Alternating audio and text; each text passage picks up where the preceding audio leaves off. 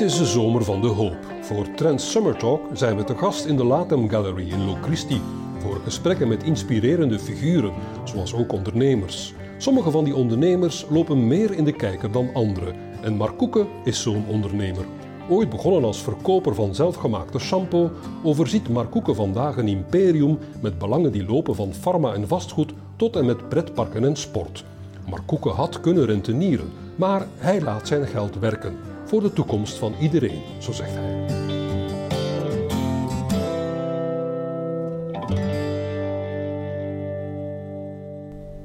Dag dames en heren, welkom bij Trends Summer Talk. Vandaag hebben we Mark Koeken te gast, de bekendste ondernemer van België en vandaag investeerder in bedrijven. Welkom meneer Koeken. Dankjewel. U investeert in bedrijven. We zitten hier in een uh, kunstgalerij. Investeert u wel eens in kunst? Ja, vanzelfsprekend, maar dat is niet investeren. Dat is uh, ja, al Hans mijn leven probeer ik uh, mooie kunstwerken te kopen van bekenden en onbekenden en, en, veel van België ook. Omdat het toch een extra dimensie aan een, ja, aan een interieur geeft. En nu zit ik vooral rond alles van uh, Marcel Duchamp en Dadaïsme. Wat de bedoeling is om daar binnen een paar jaar een museum rond te doen in, in Dubuis. Dus oh. ja, ja, toch wel volop ook met kunst bezig. Interessant, dat hebben we genoteerd. Nu, u investeert in bedrijven via uw holding Aliclo, als u zo'n projectvoorstel binnenkrijgt, uh, waarop beoordeelt u dat dan? Wat geeft voor u de doorslag in zo'n voorstel? Oh ja, wij krijgen dus massaal veel, uh, veel voorstellen waar, waar we heel blij voor zijn. Mm -hmm. En dat gaat van kleine start-ups tot, tot een heel groot bedrijf die, die, die zijn volgende stap wil zetten. We hebben in feite we bekijken dat op twee manieren en het moet alle twee klikken. Ten eerste fundamenteel, ja, wat stellen ze voor, hoe is dat bedrijf, hoe zitten de financials ineen, doen we daar een goede zaak mee? Want uiteindelijk als je belegt wil je dat, hè, dat, dat je er een goede zaak, uh, de zaak mee, goede zaak mee doet. Maar daarnaast ook moet het ook beantwoorden aan onze gevoelscriteria. Uh, en de gevoelscriteria dat is een combinatie van buikgevoel, wat zegt ons dat? Hoe is die de klik met de management? Ja. Uh, maar ook van, ja, welke sector is het? Hoe gaan ze zelf met de ESG-normen om? de duurzaamheidsnormen. Duurzaamheid speelt daarin een, een, heel belangrijke rol. En dan ja, menselijk aspect en, en ja, met ons team bespreken we dat niet samen vanuit de verschillende invalshoeken. En uh, ja, meestal weten we zelf niet uh, als we bijeenkomen van welke dat er dan groen licht of uh, rood licht gaan krijgen. Ja, altijd een beetje een avontuur om het zo te zeggen. Ja. De gesprekken die we hier voeren staan in het teken van de zomer van de hoop. Hoe krijgen we de maatschappij en de economie weer op dreef na de zware coronacrisis? Als u zo die investeringsvoorstellen bekijkt die binnenkomen bij Aliclo, zijn we dan goed bezig? Hebben mensen nog innovatieve ideeën? Zit het goed met onze toekomst, met andere woorden? Ja. ja. Heel simpel zo zeggen, ja, uh, wij hebben nog nooit zoveel voorstellen binnengekregen. Ja. En goede voorstellen? Goede voorstellen. Um, echt van klein tot groot. Maar we hebben dat allemaal nodig. Hè. Dus de, de um, veel mensen willen daar iets als zelfstandige in bijberoepen omdat ze een idee hebben. Ja. Of omdat ze een job kwijtgeraakt zijn, zijn in het ondernemerschap gestapt. Maar dan ook, ja, heb je dan de scale-ups of de grotere bedrijven die ook weer een stap verder zetten. Ja, er, er gebeurt vrij veel. Ik, ik heb de indruk dat ook de, de fondsen een, een vrij goede rol spelen daarin. Hè. Fondsen die bedrijven echt helpen van, ja, voordat ze in buitenlandse handen komen. Nee, ja. uh, Belgische fondsen, Benelux-fondsen, die, die een stapje verder gaan.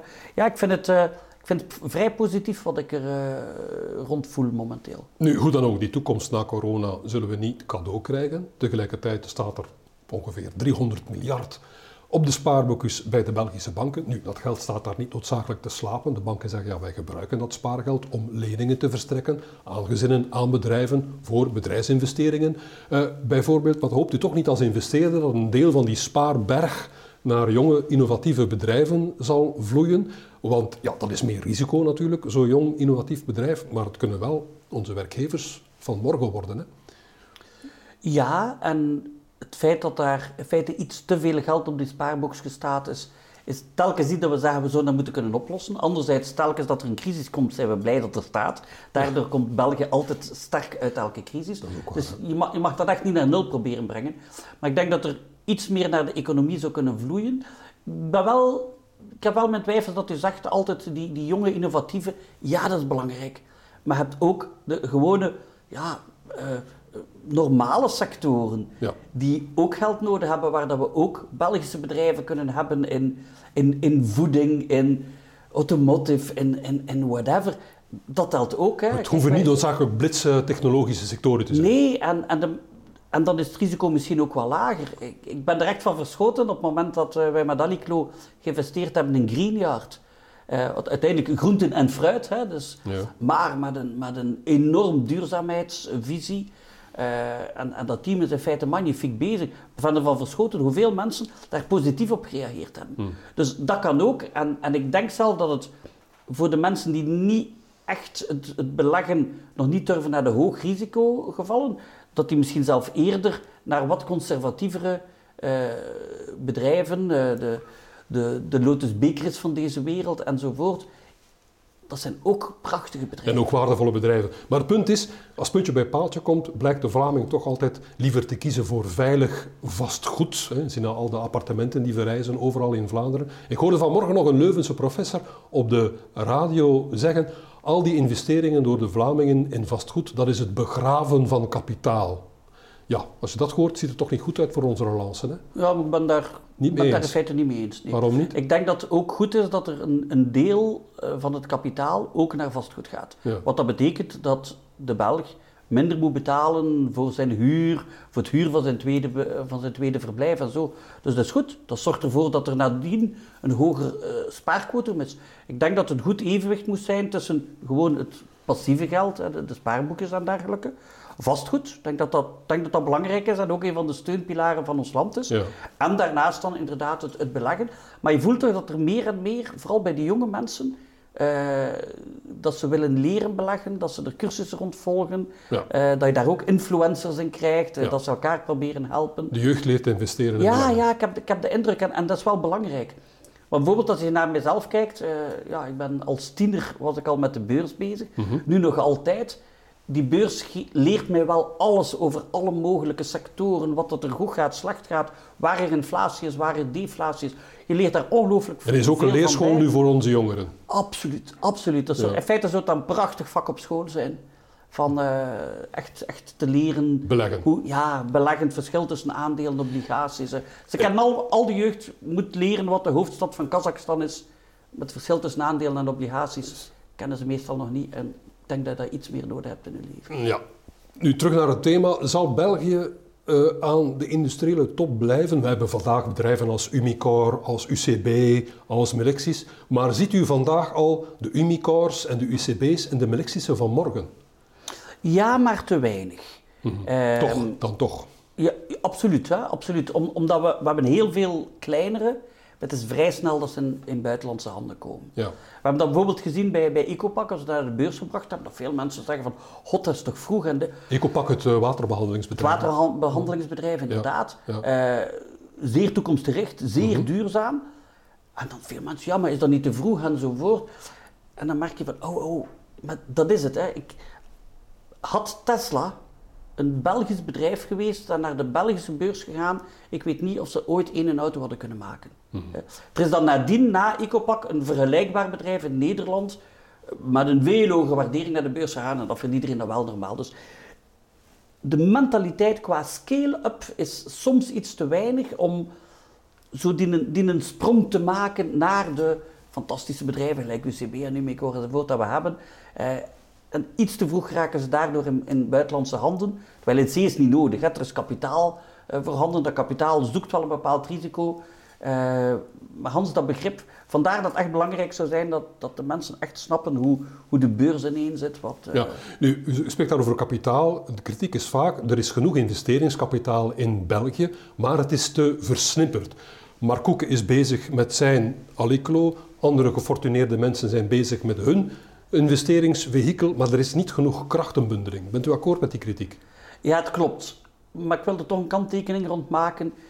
We hebben een fantastische cultuur van family offices in België. De, de, om mijn collega's dan, dan te noemen. De Family firma- offices, eh, voor de mensen thuis, dat zijn eh, investeringsvehikels van vermogende mensen. Voilà, inderdaad. Is Ja. eh, perfect samengevat.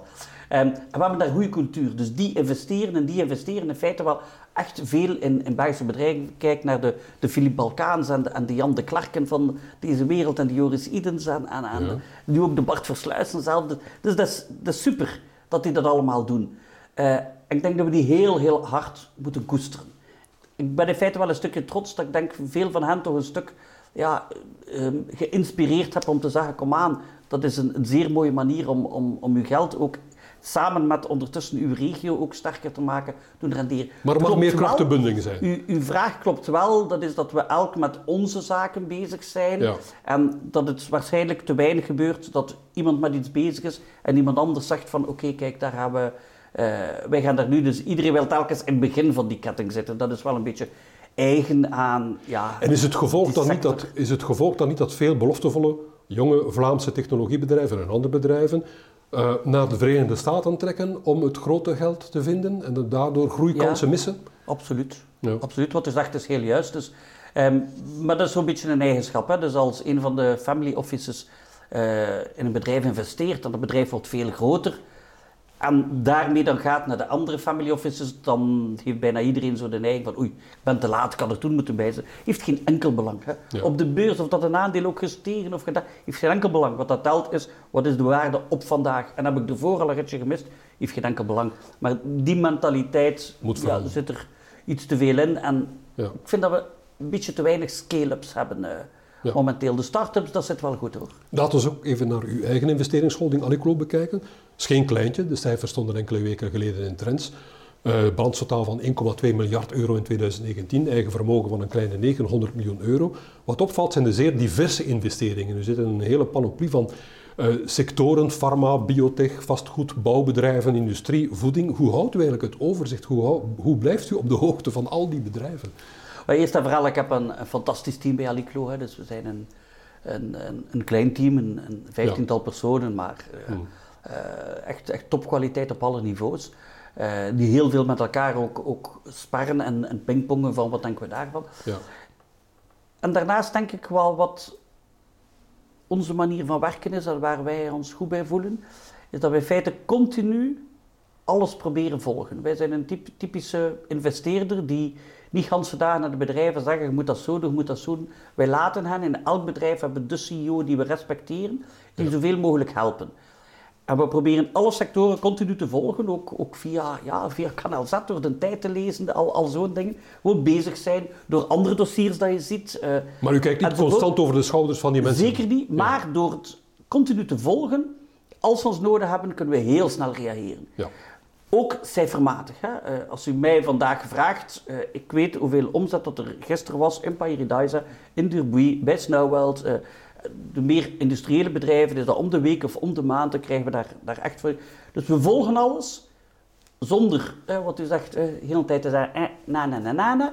Maar wel om, als ze zeggen van, hé, hey, we hebben hier een opportuniteit voor een overname. Of we hebben een kapitaalverhoging nodig, of whatever. Dat we heel snel kunnen reageren, want we vertrekken telkens alsof dat we in het dossier zitten. En Over, over snel reageren gesproken, wat is het effect geweest van corona op de bedrijven eh, in de Aliclo-portefeuille? Zijn er veel blutsen en builen? ja, vanzelfsprekend. Ja. Ehm, blutsen en builen, maar, maar zowel in de ene richting als in de andere richting. Bon, dat is iets, ja, dat corona gedoe, dat is voor niemand plezant. Hè. Ja. Dat is het eerste. Ik heb heel snel, eh, ik denk als een van de allereerste, alle bureaus gesloten om, om, eh, om mijn team ook, ook, ook eh, fysisch te beschermen tegen dat vies beest. Ehm, en dan, ja, je hebt een aantal bedrijven die, die er echt van afgezien hebben, vooral alles in de leisure sector.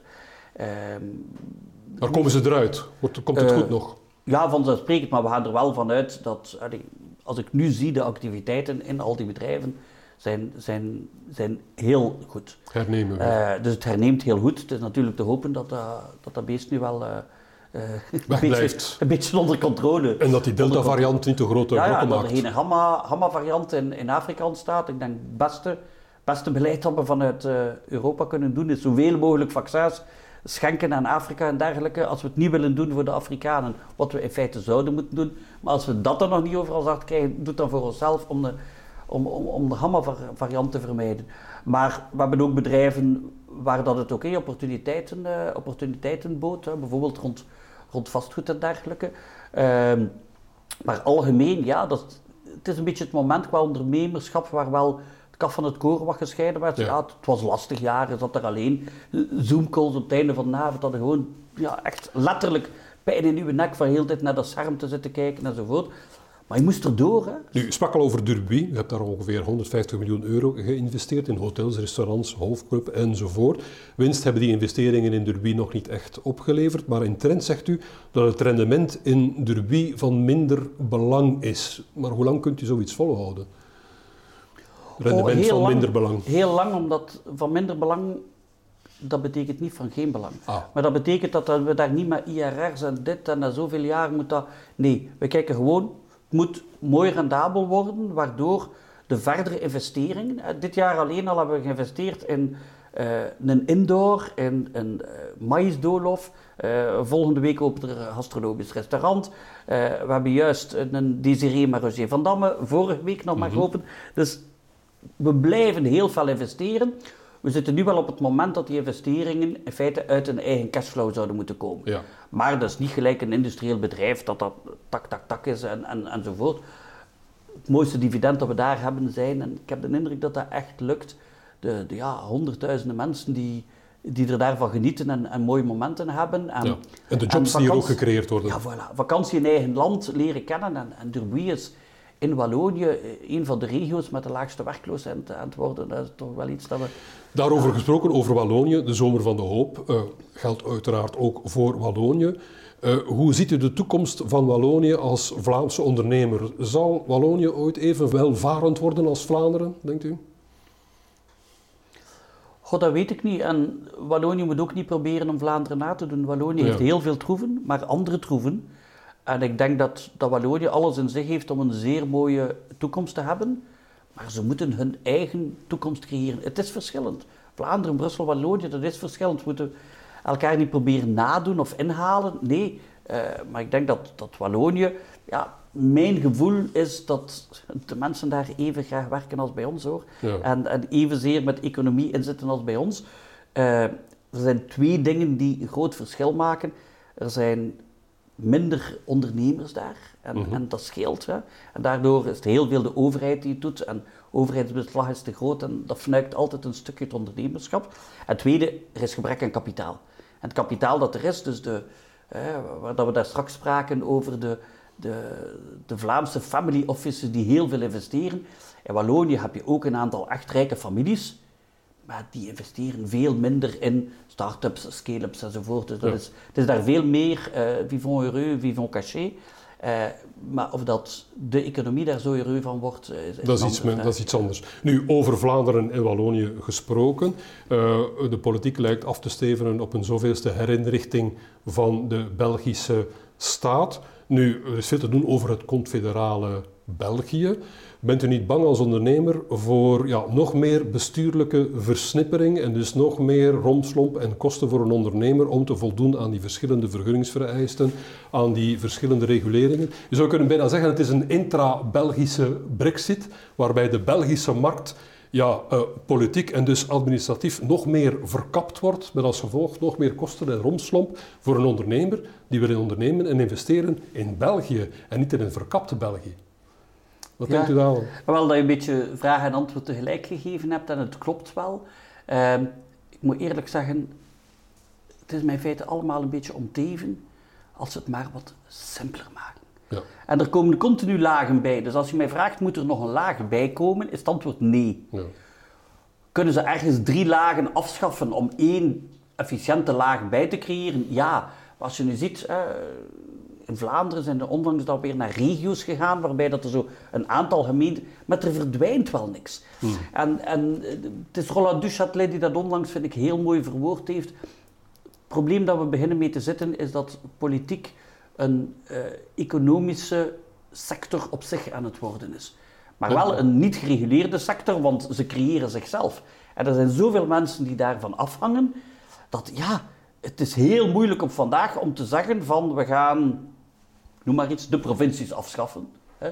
Want onmiddellijk is dat zoveel mensen en zoveel mensen die daar dan nog een keer van afhankelijk zijn. Ja, maar wat gaan we daar dan mee doen? Het is een kwestie van zelfinstandhouding geworden. ten dele wel, en ik snap het ook. En, en je moet ook de mensen die in de politiek gaan een toekomst bieden. Dus je mag niet zeggen, mensen met talent gaan nu in de politiek, maar binnen, binnen een jaar gaat een helft van de, van de functies afgeschaft worden.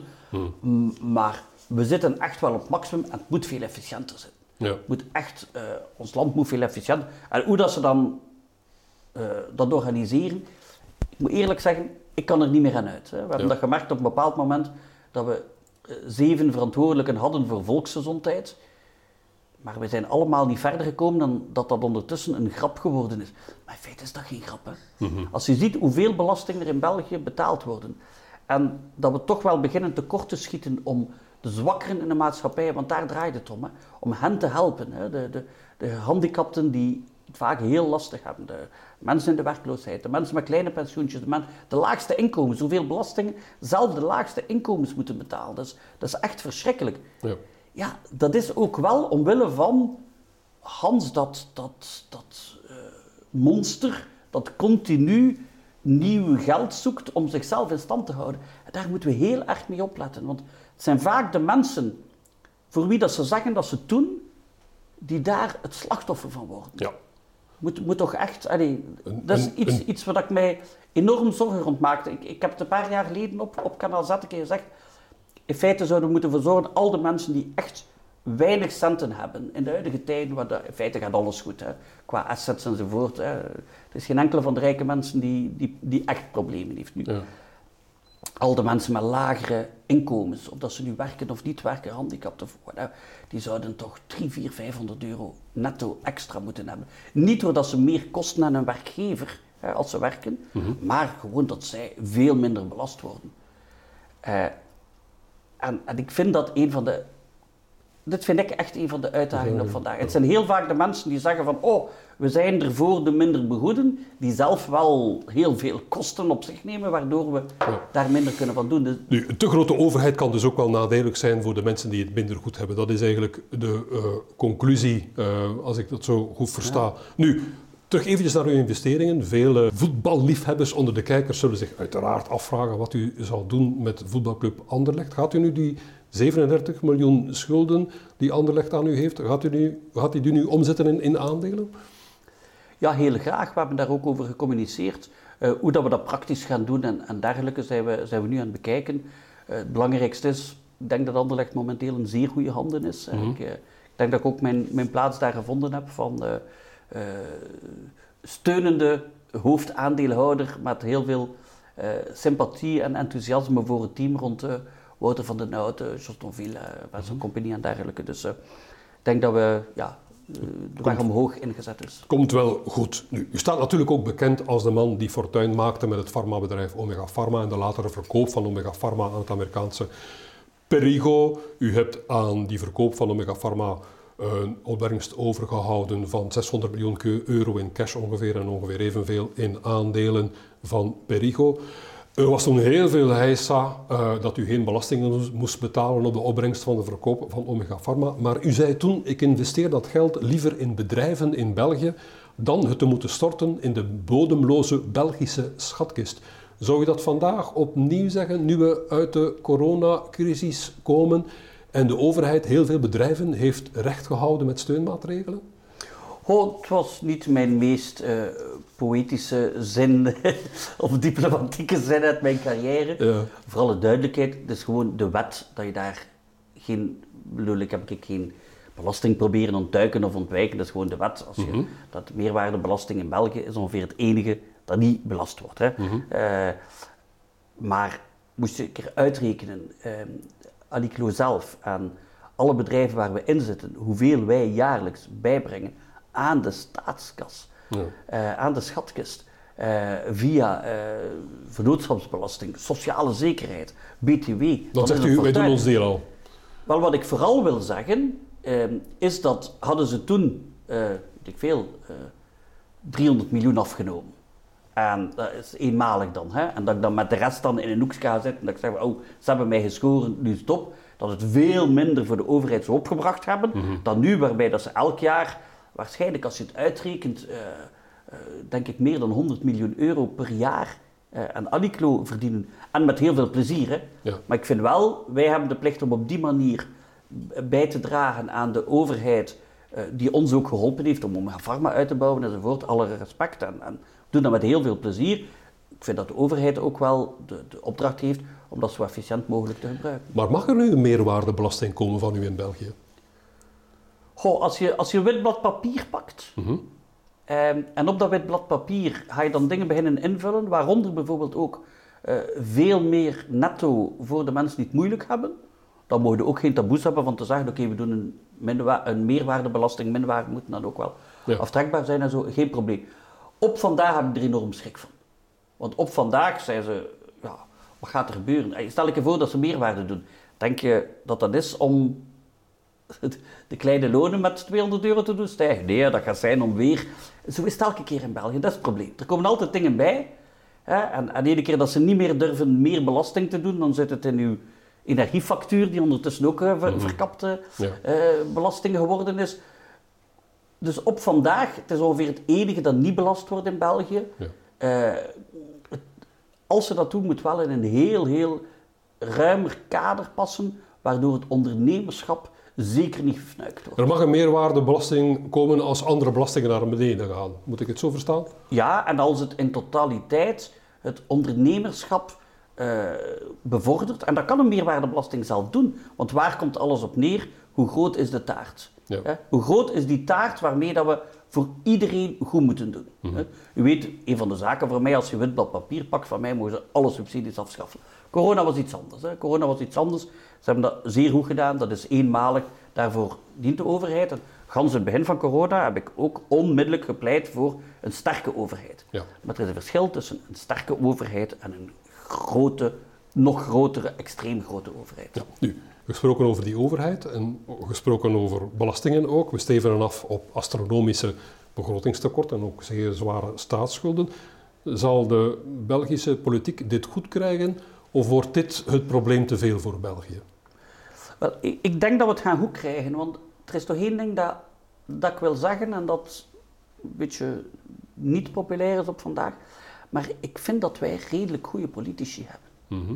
Ehm, de situatie in België is niet gemakkelijk. We hadden al een hoge overheidsschuld. Iedereen verwachtte bij corona dat op alle mogelijke manieren geholpen werd. Moet toch ook gezegd worden, eh, de vaccinatie, eh, we doen het ongeveer het meest efficiënte ter wereld. Ja. Dat mag ook een keer gezegd worden. Het is, niet het is heel moeilijk op vandaag om politicus te zijn. Want je wordt, weet ik veel, minister en onmiddellijk heb je 37 andere organisaties die u zeggen hoe dat uw beleid moet zijn. Het gelobby. Ja, niet alleen het gelobby, hè. het gelobby, maar ook ja, wetteksten en, en ordonnanties in België die zeggen, ja, maar dat wordt door die beslist, dat is een overlegmodel daar, Ja. dat is... Dus politiek zijn handen zijn ook al een beetje gebonden. Ja. Eh, maar dus in C denk ik dat we, dat we niet zo'n slechte generatie politici hebben. Integendeel, ik denk zelf dat er een aantal mensen momenteel heel goed werk leveren. Eh, en dan gaan ze gans de problematiek van nadien. Ik ga ervan uit dat ze daar ook wel een oplossing voor vinden. Te meer dat een, een wereldwijde problematiek is. Hè. Ja, nu, maar stel u eens in de schoenen nu van zo'n politicus. Ik vraag het omdat de regering nu afstevend op een clash over de steun eh, aan bedrijven, de coronasteun aan bedrijven, stopzetten of niet. U bent een investeerder in ondernemingen. Moet die coronasteun voor bedrijven nu stopgezet worden of niet? Selectief. Ik denk dat er... Je mag niet blijven met gewoon alles te zeggen, stop, stop, stop, stop, stop. Eh, we geven maar. Ja. Ik denk als je op vandaag eh, alle kranen toedraait, dat je net gaat veroorzaken wat je wou vermijden. Ja. En dus dat je echt nog een stuk eh, moet laten gaan. Ehm, ik laat het aan, aan, aan de politici om te kijken wat ik... Ik ga je een voorbeeld geven. Een sector die zichzelf ongelooflijk aan het heruitvinden is, is de horeca. Ik vind dat een fantastische sector. Hè. En ik kan zeggen, ja, maar het is omdat je geïnvesteerd hebt. Ja, maar ik heb er ook in geïnvesteerd, omdat ik geloof in die sector. En je ziet, overal komen er nieuwe, van feestzalen tot restaurantjes, tot, tot, tot pubs, tot, tot, tot pop-ups. Maar de horecasector is een fantastische sector, omdat ook veel laag opgeleiden daar een job vinden. Ja. Maar ook, het is een deel van de cultuur van ons land, vind ik, dat je hè, in elk stadje een goed restaurant hebt. hè, Enzovoort. Maar bijvoorbeeld die 6% btw van de horeca, dat is iets, ik vind dat geen relatiemaatregel. Ik vind dat gewoon een verstandige maatregel, waar dat ze op gekomen zijn door corona. Dat is nu iets dat ik niet zo terugdraai. Ja. Maar heel veel ja, steun aan bedrijven die ondertussen normaal draaien en geld verdienen. Ja, nee, natuurlijk moet je dat. Als ik uw laatste vraag dan, eh, meneer Koeken, als ik u zo bezig hoor. eh, u zou een goede politicus zijn. Nooit gedacht om eens in de politiek te gaan? Eh, Ze hebben mij wel soms gevraagd, maar ik zou een heel slechte politicus zijn. Waarom? Hans, dat feit, zo maar meerderheid en oppositie, ik zou daar niet kunnen mee leven. Kunnen, kunnen, allee, bedoel, die zitten daar samen, maar in feite, de meerderheid wil het dan goed doen voor het land, maar vooral de volgende verkiezing winnen. En die oppositie wil dat, dat paar keer tegen... Allee, kun je je voorstellen van uw crew rondom u nu, dat er hier een, hè, één cameraman bij zit die liefst van al zou hebben dat een slechte uitzending wordt. En, dus Hans, dat model, en ik weet het is het minst slechte model en de democratie, we moeten ze ongelooflijk koesteren, hè, want al de rest is nog veel slechter. Maar ik zou daar echt niet kunnen, eh, niet kunnen functioneren. Laat hen dat maar doen en wij zullen wel verder ondernemen. Ik hoor het, u bent te veel een ondernemer om een politicus te kunnen Mooi zijn. gezegd. Meneer Koeken, bedankt voor uw komst helemaal naar Locristi. En ook, dames en heren, bedankt dat u bij ons was. Volgend weekend ontvangt Jan de Meulemeester hier Connie van den Driessen in Trends Summer Talk. Connie van den Driessen is de topvrouw van de uitzendgroep House of HR en ook medeoprichter van het investeringsfonds We Are Jane. Graag tot dan.